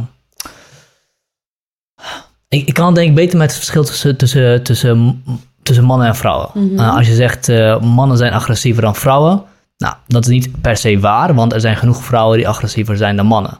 Eh, maar wat je wel kan zeggen is dat Meer risicofactoren. bijvoorbeeld of dat de mensen die de mensen die het meest agressief zijn, zijn waarschijnlijk het meest man. Want als je naar de normale afdeling kijkt. En zo zou je ook iets kunnen zeggen daarover, zonder dat je zegt het is een cultureel probleem, maar we zien een, we zien een cluster ontstaan rondom zo'n situatie of Ja, zoiets. ja. Wellicht. Ik weet het niet. Nee, En, en, en ik weet dus, dus waarbij je dus wel, ja, ik snap wel wat je zegt. Ehm maar mooi, want ik snap het zelf niet. ja, wel. oh, nou, dan ga, dan ga ik het. eh, Ga ik jou Ja, ik probeer, ergens, ik probeer ergens heen namelijk te redeneren Nou, waar ik niet, helemaal weet. eigenlijk, denk ik, van er lijkt wel soms wat, er zijn soms wel zorgen omtrent sommige groepen. Eh, of eh, moeten we dat niet kunnen benoemen? De oververtegenwoordiging, hè, altijd het standaard praatje Mhm. van Marokkaanse jongens, hè, laten we wel hel- helder hebben, eh, in criminaliteitscijfers. Dat is denk ik waar je een beetje heen gaat, toch? Ja, wellicht. Ja, dat, dat sowieso. Maar dus om dat te benoemen zonder, te, zonder eh, te vervallen in de val dat je zegt het is een Marokkaan probleem. Ja. Snap je wat ik bedoel? Ja, ja. dat zal je mij ook nooit horen zeggen. Weet je wat het is? Ik had het er gisteren nog met Marokkaanse cliënten over. Ehm, ehm, wat ik. ehm, even kijken hoor. Ik denk wel eens dat er bepaalde dynamieken zijn onderling. Die, die, die maken dat het lastiger is. Of die maken dat misschien criminaliteit soms makkelijker is. Of eh, bijvoorbeeld dat hele verlangen naar eh, materialisme en zo. Dat is wel, vind ik ook weer meer straatcultuur dan eh, continu dat cultuur. En ik ga me, laat me er echt niet in lullen in dat hokje. nee. Eh, Dat, dat, dat is en gewoon al aantoonbaar niet het geval. Dat je, je kan het allemaal niet herleiden naar etniciteit. Ehm, ehm, maar ook hier zal je natuurlijk eh, het elkaar versterken. Soms een bepaald gedrag in de wijken waar, waar ik nu woon. Hè. Dat, zijn, dat zijn de wijken waar eh, dat misschien meer ontstaat. Ehm, Mhm. Ook weer gewoon door sociologische verklaringen. Eh, dus ja, dan, het, het een versterkt de ander wellicht. Maar ik zie heus wel eens wat dingen. Denk dat, zit, dat lijkt me wel onhandig als, dat, als je dat zo belangrijk vindt. Hè? Mooie spullen willen hebben, het materialisme. En ik zal het ook niet gauw Gecombineerd met in een, in een situatie waar de criminaliteit dichtbij is. Wellicht, of Ja. er risicofactoren zijn. eh, maar ik zou het ook al lang niet meer gooien op dat standaard. Het is armoede en eh, ze hebben geen andere keuze. Dat is ook een te makkelijk antwoord. Mhm. Het kan een factor zijn. Ook hier geldt weer er zoveel verklarende factoren of risicofactoren en onvoldoende beschermingsfactoren. Want die zijn er ook heus wel. Als je natuurlijk heel veel toezicht thuis hebt en controle en ehm, eh, betrokken ouders en eh, die ook meegaan naar school. Of weet je wel, allerlei eh, dingen die belangrijk zijn in opgroeien hier. Ehm, dat kan soms maken dat ondanks dat de verleidingen er heel erg zijn, dat jij toch denkt, ja, maar dat is het me niet waard. Mhm. En voor de ander die denkt, nou ja, fuck it, kijken wat dat oplevert. Hè? Dat is Mhm. natuurlijk zo persoonsafhankelijk. Maar ik, het, het lijkt mij soms best wel lastig als er zo'n enorm verlangen is naar status en geld. Ehm, nogmaals, ik ga het echt niet ophangen aan de cultuur, maar ik, dat, dat lijkt mij heel erg in de weg zitten om gewoon een braaf leven te leiden soms. Mhm. Ik had het er dus met de cliënt over van, ik zeg, ik weet niet hoe het is om superveel geld op zak te hebben. Dus ik ken dat gevoel ook niet van het, dat verlangen en van, oh, vroeger, toen dit, toen dat. Dat zit hem de rest van zijn leven, althans nu en voorlopig, denk ik nog wel aan de weg. Gewoon het kennen van wat je had, dat nu niet meer hebben. En ehm, weten dat je dat voorlopig ook niet meer gaat krijgen. Ja. Maar wel dat verlangen hebben naar eh, in ieder geval uitstralen dat je het gemaakt hebt. En dat is iets wat ik vooral in straat een zorgelijk iets vind. Mhm. En ehm, masculiniteit is natuurlijk ook echt een factor. Wat je veel, eh, dat is natuurlijk gewoon een, een man moeten zijn. Whatever that is. Maar eh, een, een masculiniteit is iets, dat is ook een soort, vind ik, een soort dwang. Wat denk ik al op straat of in de wijk of ehm, al vroeg wordt aangeleerd. Wat betekent dat nou om ehm masculine te zijn? En dat kunnen vrouwen ook zijn. Hè? Dat is natuurlijk niet eh, voorbehouden aan mannen. Maar eh, dat is denk ik een soort van eh, ik heb daar al een soort theorie over, of hoe je het noemen wilt. Het is niet dat ik het allemaal zelf bedenk. Maar Hm. ik zie dat masculiniteit, dat verlangen om succesvol te zijn, status te hebben en geld te hebben. En dat in combinatie met, zeg maar, loyaal moeten zijn naar de straat waar je bent opgegroeid. Waar mensen zijn die jou belangrijk vinden en jij vindt die mensen belangrijk. Mhm. Ik vind dat is een soort cocktail waar, eh, wa- wat soms vragen om problemen is. Snap je wat ik bedoel? ja. Ik moet ook, ja, en ik moet ook wel een beetje denken aan, aan eh, eh, wanneer je over- over die man heeft die, die er dan dus enorm veel geld op zak had vroeger. ik kan me ook voorstellen dat hij zich ook wel... Ja, die voelde, heeft zich toen misschien ook wel heel vrij gevoeld. Alsof ik niet eh, hoef te spelen volgens de regels van de maatschappij. Ik, het lukt mij wel. Ja, En, eh, en nu moet hij dus spelen volgens de regels. Ja. Maar wat krijgt hij ervoor terug? ja. Ik, ik, Krijgt hij er überhaupt voor, Ja. voor terug? Ja. Zo kan het ook aanvoelen. Hè? Zo van, ah, ik word mijn hele leven wordt mij verteld dat ik naar regels moet luisteren, dat ik dingen moet doen, dat ik de regels van deze shoppies moet op, o- Ja. opvolgen. die maar lang niet zoveel verdienen als ik ooit. die gaan nooit iets gaan verdienen. Ja, ik verdien wat jij verdient in, Ja, in altijd, een dag ja. of whatever. En, eh, en nu moet ik naar jullie eh, regeltjes gaan luisteren. Nu moet ik eh, met... Er zit ook altijd een soort verzet in hè, naar, naar, naar, naar die stom samenleving. Het is ook altijd, soms is het echt heel kinderachtig hoor. En, en heel irritant ook om mee te werken. Gewoon Nou, maar ook, ja, maar soms wordt het, er wordt ook wel eens geromantiseerd, of ja, heel vaak geromantiseerd in, in onze samenleving. Ik bedoel, de bankrovers, eh, hoe heet die nou, eh, die grote drugsbaron, waar, eh, uh, Pablo Escobar. Ik weet niet, ik, ik heb het idee dat heel veel mensen daar echt wel met, met, eh, met glinstering in de ogen naar kijken. Van wauw. Nou, uiteindelijk gaan ze allemaal dood. En uiteindelijk gaan ze allemaal dood, Ja. ja, dat denk ik dan. Maar zij denken, ja, maar ik ga dat beter doen. Ja. ja, nee, klopt. Eh, ehm, ik, ik vind dat denk ik ook wel... eh, ehm, dat, dat, dat vrije leven... Ik, ik, een jongerenwerker... Dat weigeren om, jou toe, om toe te geven aan de, re- aan de regels is ook... is ook. Eh, ik heb het sprak wel eens een, of nee, eh, ik heb wel eens van een jongerenwerker gehoord. eh, die zei eigenlijk dat criminele leven is een soort van. Je hebt een soort van een hond met een oud bot. En dat bot is al lang versleten. Maar ja, bijt er nog elke dag op. Ehm, er zijn de mensen die bij jou, eh, bij jou terechtkomen. nee, ja, ja, ja, goed, inderdaad. het levert ook heel vaak niks op. Maar Ja. je, kijk, die, die laat natuurlijk pas, dat bot laat natuurlijk pas los als er een nieuw vers Hmm. bot is. Ja. Maar eh, een nieuw, een soort eh, normaal leven bieden, dat is natuurlijk.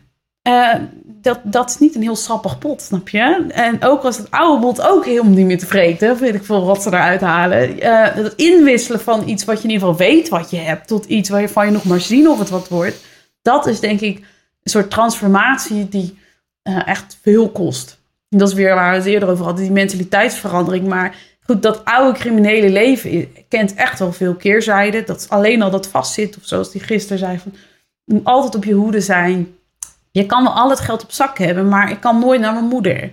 Weet je wel? Of eh, eh, mijn vriendin zei dat, ze- dat ze me nooit zag. Ja, eh, het, het, heeft dus, het levert dus nou we- wezenlijk veel op. Het kost ook heel veel. Alleen wat is het alternatief? En wie, wie, hoe bieden we hen een beter alternatief? Ja. Van, kijk eens hoe leuk in mijn leven is. Ik verdien ook wat geld per maand. Dat is natuurlijk, ze vriend, nou maar ja, leuk met je huurhuis, eh, drie oog achter. Ehm, ik weet niet precies hoe ze denken. Dus het is denk ik vooral ehm, dat alternatief is op het eerste gezicht niet altijd aantrekkelijk. Hoewel ze soms heus wel inzien dat dat op de lange termijn wat oplevert. Maar Ja. kun je loslaten dat je niet meer alleen maar vandaag denkt, maar ook over morgen. Ja. Ja, dat is eh, complex. Ja. Interessant. Ja, ik noem het graag van overleven naar leven. En daarom, ik ben zo, ja, soms denk ik, ik ben zo blij eh, dat ik dat nooit heb gekend. Die verleidingen of zo, hè. Want ik kan me voorstellen dat als je eenmaal dat kent, dat het een moeilijke Hmm. achter je laat is. Hmm. Hoeveel het je dus ook kost, hè. Want het is inderdaad zo romantisch allemaal niet. Het is, het is vaak hard voor weinig. Want dat zag ik bij mijn onderzoek toen ook. Denk ik, nou, hoeveel geld hebben jullie nou echt op zak? Het is ook heel veel in, op straat dan. Eh, veel wachten. Veel praten over vroeger. En hopen op, op mooie, eh, mooie dingen die nog komen. Maar vandaag is vrij marginaal. Vrij bitter hoor. Ja.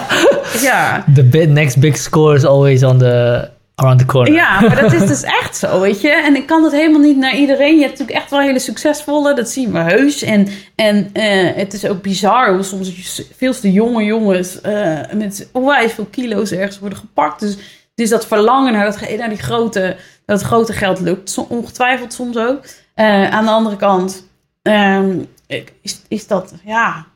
Ik, ik verbaas me er ook wel over hoe sommigen van nul naar opeens aan zulke grote stappen weten te zetten. Ja. Eh, In de hoop maar natuurlijk succes te hebben en eh, een big ball. Ik denk gewoon veel geld te hebben. Maar ja, de, eh, over het algemeen is het natuurlijk een beetje is het armoe. Ehm, Hoe zit het met de, met de ethiek van de straat? Want die hebben natuurlijk ook hun eigen ethiek. Zeker. Ehm, een van de, denk van de meest spraakmakende is, tenminste, dat, dat ken ik uit, op, van tv, ik weet niet of het echt zo is, maar dat eh, als in de cel mensen erachter komen dat iemand vast zit voor een zedendelict met een minderjarige, dat hij een heel moeilijk leven krijgt. Dat is dus uit een boze. Dat, hij, dat de hele straat dat unaniem besloten heeft, dat als er zo iemand Ja, tegenkomt, dat we die, dat we die eh, ja, weet kapot maken of neersteken, Ja. hoe het gaat, maar... Nou, ehm, wat ga ik hierover zeggen? Maar misschien g- laten we het gewoon over het algemeen straatethiek. Wat zijn daar, wat zijn daar een beetje de regels die gelden als je, als je erbij wil horen? Nou ja, goed, dat, dat, is weer, dat is dus weer, dat vind ik dus ook wel een interessant thema, even los van de zeden. Maar ehm, ehm, ik sprak wel eens iemand die dan, ik zeg, stel dat jij weet, hè, een vriend of iemand waar je om geeft is ergens slachtoffer van en jij weet wie dat heeft gedaan. Zou je dat dan zeggen? Dat, doen ze, dat zou hij dan dus niet doen. En Hmm. hij, hij, hij kent een crimineel verleden, maar is er al lang, toen daar al, was hij er al langer van weg. En toen gingen we het daarover hebben. En dan zit daar dus weer zo die enorme loyaliteit. We in this together. Zo'n gevoel zit daarin. En dat, dat gaat dus breder dan, dan boevengedrag. En dat is denk ik wel een heel belangrijke regel. Gewoon van, goed, we mogen elkaar allemaal wel naar het leven staan. Maar er is nog altijd, hè, de, eh, we lossen het zelf wel op. Hmm. En ehm, dus die, die loyaliteit is een hele belangrijke. Het is ook heel diffuus, want naar wie dan en naar wat dan? En eh, voor geld is ook een hoop eh, te doorbreken, laat ik het zo formuleren. Ja, en we hebben ook heel getuigen of eh, criminelen die overlopen. Nou, wie weet is overgelopen, Ja, bijvoorbeeld. goed, dat is nog weer inderdaad een, iets anders. Maar goed, ik bedoel, snitches, get stitches. Dus het is op zich een ingewikkelde positie natuurlijk. eh. Ehm, dus het is gewoon dat... Als je, nou ja, goed, dat je in ieder geval loyaal bent. Dat je, dat je er samen voor staat. Dat je eh, dat samen doet. En ik, dat vind ik dus ook... Het heeft iets... Maar dat hoe moet ik het nou formuleren? Het heeft iets moois, wel even tussen aanhalingstekens, dat je zo loyaal bent dat je er ook samen staat. Hmm. Het heeft ook zoiets dwingends als je ehm, dus maar moet zwijgen. Het, niet, het gewoon moet doen alsof je het niet hebt gezien. Ik zou wel willen weten wat dat met, wat dat met mensen doet. Hoe Mhm. leer je die modus aan van, niet mijn probleem. En hoe, hoe, hoe botst dat dan met je eigen moraal? Maar goed, dat, dat is mij misschien heel erg geleerd. En, Mhm. en ik heb dat mooi in, in onze brave samenleving allemaal kunnen vormgeven. Maar als jouw modus toch niet is op moraal ontwikkelen, ja. Snap je wat ik bedoel? Mhm. Het is wel een beetje filosofisch, maar... Mhm, eh, mhm. Ja, als, je, als jij nooit geleerd hebt dat eh, heel simpel dat eh, de andere schade niet goed is. Ja, maar ik, dat bet- ik bedoel, al die kinderen worden ook gewoon opgevoed. Weet Ja. je wel? En dat vind ik altijd een beetje het, nare, dat, dat, dat het wordt weggezet als een onopgevoed tuig of zo. Maar dat, Mm. gaat- er zitten ook liefdevolle eh, moeders en vaders soms achter. Of het Eh, zijn zelf liefdevolle vaders. Precies, dat- je bent natuurlijk niet 24-7 een boef. Ja, hè? Je ja, kan, ja, en dat is natuurlijk, ook, ook daar kan ik soms mezelf best in herkennen. Dat je in de ene rol er anders gedraagt dan in de andere rol. En ehm, je heel hard kan zijn naar een bepaalde scene. Ik zag het bijvoorbeeld bij mijn eigen respondenten. Die, wilden, die hadden dan een gang. Dat was dan toen nog heel erg een ding. Ehm, en voor een eigen groep wil ze gewoon het, dat, dat stoere gedrag, dat imago werd doorgegeven. Dus de nieuwe generatie of de nieuwe aanwas moesten dat leren. Maar in een andere rol wilden ze andere jongeren van die criminaliteit afhouden. Dus een soort Mm. rollen kunnen prima eh, voor hen in ieder geval naast elkaar blijven bestaan. Je bent, ik noem dat altijd soort part-time rolmodel zijn. En dus eh, zo'n moraal is, zit in een bepaalde rol, eh, staat die misschien uit. En in een andere rol, als het misschien over lief mensen waar ze van houden, kan die wel weer aangezet worden. Ja, ja, ja. Snap ja, je? Dus, ja, dus het is... Het is een beetje. zo eh, eenduidig. Denk ik, eh, ik probeer het te vergelijken met iets. iets een ouder die zelf een verslaving heeft, wil ook niet dat zijn kinderen aan die verslaving. zal misschien nog harder optreden dan, dan, dan andere ouderen. bijvoorbeeld. Ja. Ja, en ik heb toen ook al die moeders gewoon gesproken. En eh, er, er zit misschien soms ook wel onwil, onmacht. Eh, sorry, niet onwil, maar onkunde. Maar onwil, dat, kom je, niet- dat denk ik, nou, dat, Ja. eh, dat is niet zo. En ik vind dat ook altijd wel flauw, hè? Dat, dat een soort van norm stellen van... zo moet iedereen maar zijn. En daar worden al die kinderen niet opgevoed. Ja, dat is... Maar ik heb niet, echt niet alle antwoorden. Ik zou graag dus ook onderzoek willen doen hoe, hoe zwaar die loyaliteit. Want toen ik zelf in Zuidoost woonde, zag ik ook dat heeft ook wederom niks met criminaliteit te maken. Maar het viel me zo op dat zoveel mensen elkaar gewoon wantrouwen. Mhm. Ik heb geleerd dat de ander in eerste instantie wel te vertrouwen is. Hè? Dat een soort basis van vertrouwen. De mens is wel oké. Ik bedoel, je leert daar wel door, door schade en schande word je wijs. Maar wat ik daar heel erg zag, eh, gewoon bij allerlei mensen van allerlei generaties, is dat eigenlijk niemand te vertrouwen is. De overheid niet, maar ook de buurman niet. En eh, dat, dat, het, het heeft me altijd geboeid van, jeetje, je zou maar altijd het, het idee kunnen hebben dat een ander je niet letterlijk, Mm, maar ja. figuurlijk nog wel een, zeg maar, een, een, een, hoe noem je dat? Een mes in je rug kan steken. Ja, ja, letterlijk. Ja, nou, dat zou ik dat dus niet letterlijk, maar wel figuurlijk zo van eigenlijk als het erop aankomt is niemand te vertrouwen. Dan denk ik, jeetje, het, zal maar je, waarde ja. bepalen. Ja. Ja. inderdaad, hoe je de wereld beziet. En dat is denk ik, ja, Ja, de vraag is dan, hè, eh, is het terecht? Is dat terecht? Ik weet het niet. je weet dat ook niet. Nee. Ook dit is misschien weer de, de, de, hè, de Misschien zijn wij wel consequences.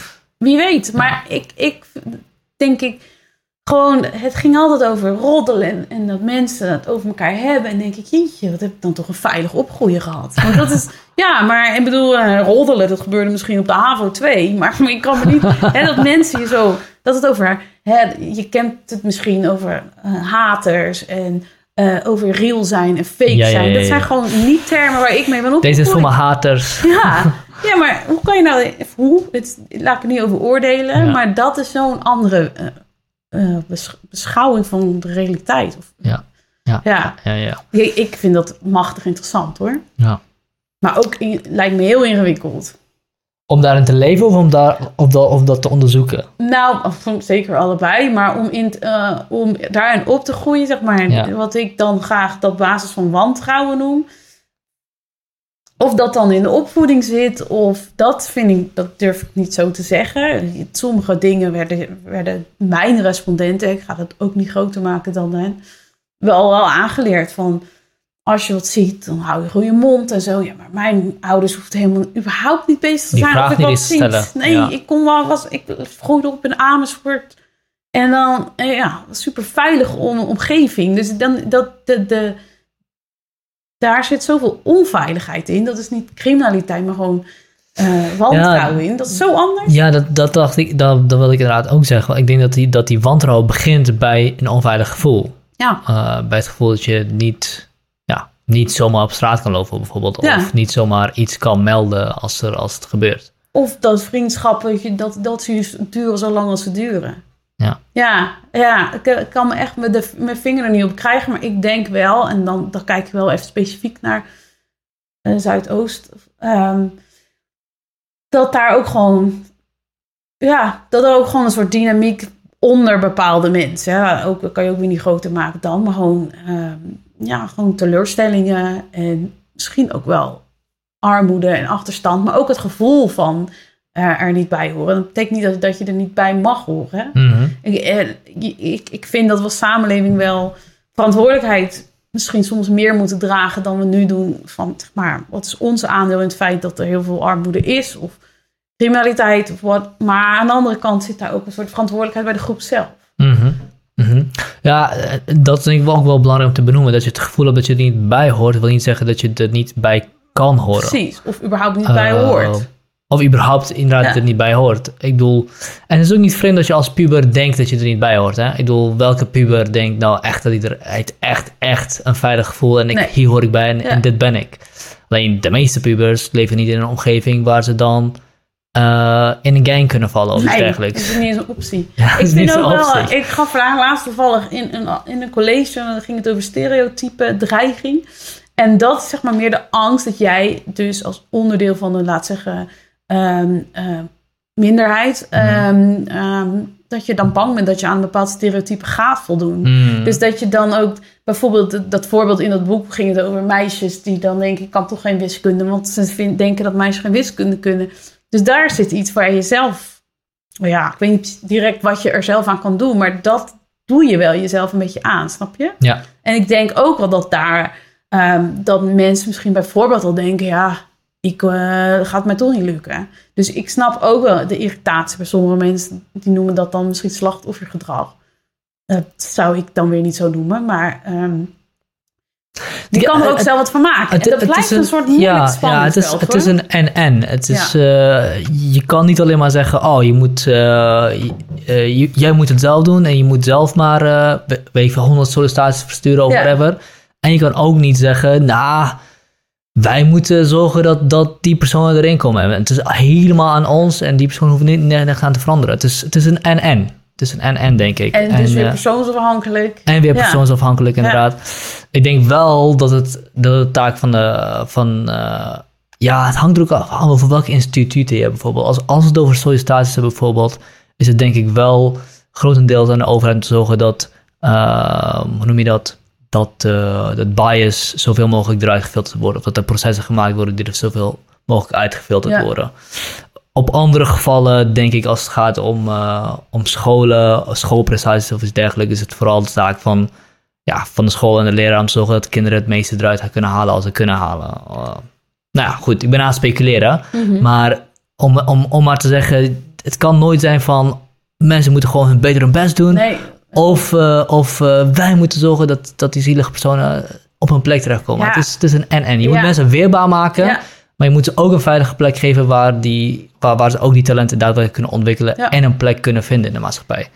Ja, en dan moet het thuis ook veilig zijn. En dan moet thuis ook zijn. omgeving. En ehm, ehm, dat denk ik wel. Want he- ik bedoel, we kunnen wel doen alsof iedereen gelijke kansen heeft. Maar dat is natuurlijk gewoon niet waar. Maar ik gooi het niet. Of dat komt omdat je Marokkaan bent of vrouw bent. Of, weet je, daar, zit, daar zit in heel veel rollen achterstand. Dat kan ook zijn dat je als wit kind... dan kan je net zo goed in zo'n wijk opgroeien. Dan heb je, heb je ook kansenongelijkheid. Ja. Dus we vervallen soms een beetje in de, de standaarden van categorieën.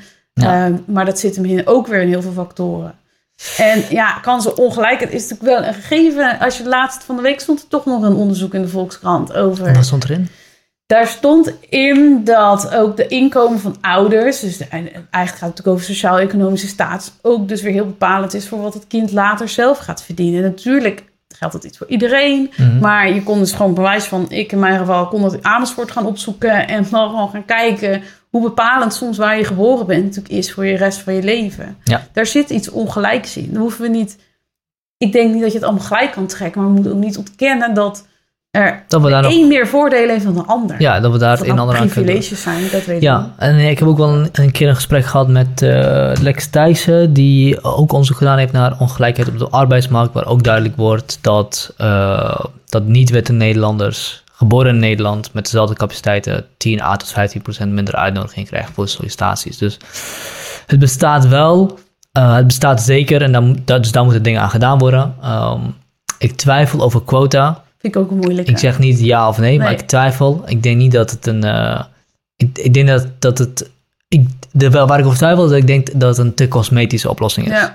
Want zelfs als je 50-50 hebt, eh, of 30-30-30, of, of whatever, volledig gelijk, kan het nog steeds zijn dat in het proces zelf er eh, bias voorkomt. Ja. En dat is eigenlijk wat je wilt oplossen. De bias, niet per se de cosmetische Nee, front-end oplossing. Tenminste, vind ik. Ik denk dat heel veel andere mensen het daar Nou, ik, vind, ik lees zijn. daar dan, ik vind quota, daar voel ik me dan zo ver van deskundig over. Hè, dat ik denk, wat weet ik hier nou van? Ik ervaar zelf ook niet zoveel nadelen van mijn vrouw zijn in Ja. mijn carrière. Ehm, en ik las er toevallig van de week, ja, ik ga altijd allerlei wetenschap over lezen. Maar ik denk, wat vind ik nu eigenlijk? En dan las ik wel dat dat inderdaad op de lange termijn niet de, altijd de effecten geeft die, die je zou willen dat het geeft Hmm. ben het wel heel erg met je eens dat het natuurlijk ook op de arbeidsmarkt gaat vaak mis met die bias. Maar die we allemaal wel hebben. Ja. Weet je wel, we hoeven dat niet. Dat is niet alleen maar gegeven aan mensen in eh, bevoorrechte posities. Om Ja, het zo ja, te formuleren. ja, ja, zeker. Dat is natuurlijk zeker, van het allemaal. Maar als, je natuurlijk, als je natuurlijk selectie maakt op mensen die op jou lijken. En je hebt een, een board of hoe heet het, een selectieprocedure van vooral mensen, allemaal mannen. Dan is, dan is daar natuurlijk een kans dat er wat meer, dat er ook- ook een man natuurlijk meer past in het profiel. Maar het is zoveel onbewust. Ja, Dus ja, om die impliciete associaties bewust te maken is natuurlijk, dat is natuurlijk één. Maar of je daarmee dan vervolgens eh, anders gaat selecteren, is, dat is Mhm. nog een tweede. ja. Ja, en de vraag is ook hoe statistisch, eh signif- of hoe statistisch representatief kan een board zijn van Ja. 10 mensen? Zou je ook de vraag kunnen stellen? nee, ik heb het ook laatst een onderzoek dat ging dan weer over politie en impliciete biases in New York, als ik me niet vergis. Ehm, gingen ze heb, die kregen allemaal van die trainingen over die biases. En dan gingen ze meten. Want uiteindelijk heb je daar wel wetenschap voor nodig. Heeft dat dan zin? Gaan ze andere keuzes maken in bijvoorbeeld het profileren? En daar ging het dan over. En ehm, dan bleek op de termijn zo van nu dat ze wel bewust zijn, maar dat het niet heel veel impact had op hun keuzes. Mhm. Ja, en dan is daar weer de kritiek over ja, die, die, die constante focus op wat er allemaal misgaat. Ja, ik vind het dus ook wel heel moeilijk. Hè? Kan je dat Ja. dan maar trainen? Kan je Ja. wel- ik ben me ook wel Ja. bewust van mijn biases. Maar als ik dan in een split second een keuze moet maken... wat politie natuurlijk vaak moet... en geen tijd, die hebben geen minuten de tijd om te denken... ah, is dit nou veilig of niet? Ja, dan hoeveel heeft dan die bewustwording Ja. En dat denk ik met, Ja. met sollicitaties. Ja. Ja. Ook, dat het lastig is. Ik denk dat we daar, eh, ja, zeker lastig. En, eh, da, en, en dus om maar te zeggen, ik weet niet of je het oplost door te zeggen zoveel van zoveel, Ik ook echt zoveel. En één ding wat ik me ook wel redelijk persoonlijk aanneem is wanneer mensen zeggen als je in Nederland geboren bent eh, of eh, als jij geen eh, witte Nederlandse man bent, dan loop je 1-0 achter in Nederland. Dan denk van, waar loop ik dan precies op achter? Op, op het kunnen behalen van dezelfde loon? Is dat precies waar we ons aan willen afmeten? Het kli- beklimmen van de sociale ladder? Of willen we zorgen dat mensen gewoon een plek kunnen vinden in de maatschappij en, en, en, en een fijne, fijn leven kunnen leiden? Dus da, da, dan denk ik van ja, moeten we dan echt het verschil op basis van, van, van inkomen gaan maken? Is dat echt zo'n belangrijk verschil? Of is het verschil dat, me, dat iedereen kan zorgen dat hij op, op een goede plek terechtkomt? Ja, Ehm, maar ja, goed. Dat is meer een persoonlijk ding wat ik aandring. Ja, waarvan ik ja. denk, hoezo loop ik 1-0 achter? ja. Was, ik, ik voel, het voelt niet dat ik 1-0 Nee. 1-0 achterloop. Ehm, maar ja, goed. ja maar dat is, dat, is, in de rol van een vrouw ook natuurlijk.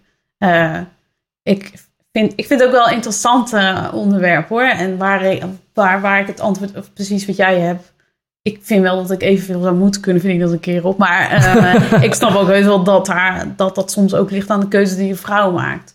Maar ik vind het, dit gaat wel heel erg ver buiten mijn kennis. Ja, klopt, klopt, klopt, klopt. Ehm, maar ik heb het idee dat we ook wel een beetje... eh, eigenlijk wel eh, een heel plaatje hebben gehad. Tenzij er nog dingen zijn die je echt belangrijk vindt om te benoemen... waarvan je denkt, ja, dit moet gewoon nog... eh, hier wil ik het over hebben of dit wil ik nog de wereld uitgooien.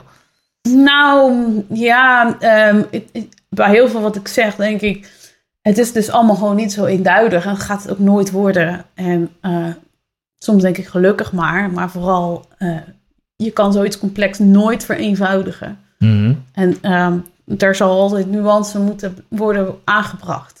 En dat vind ik een soort, daar, dat, daar zie ik een soort van, dat vind ik belangrijk om te doen. Stel dat als je een politicus bent die een statement moet laten zien. Ik- daarom vraag ik me alsof af of ik dat ooit zou kunnen worden. en daar er een, een partij van de nuance komt, dan wil ik wel uh, zijn. Maar goed, dankjewel. Gedaan.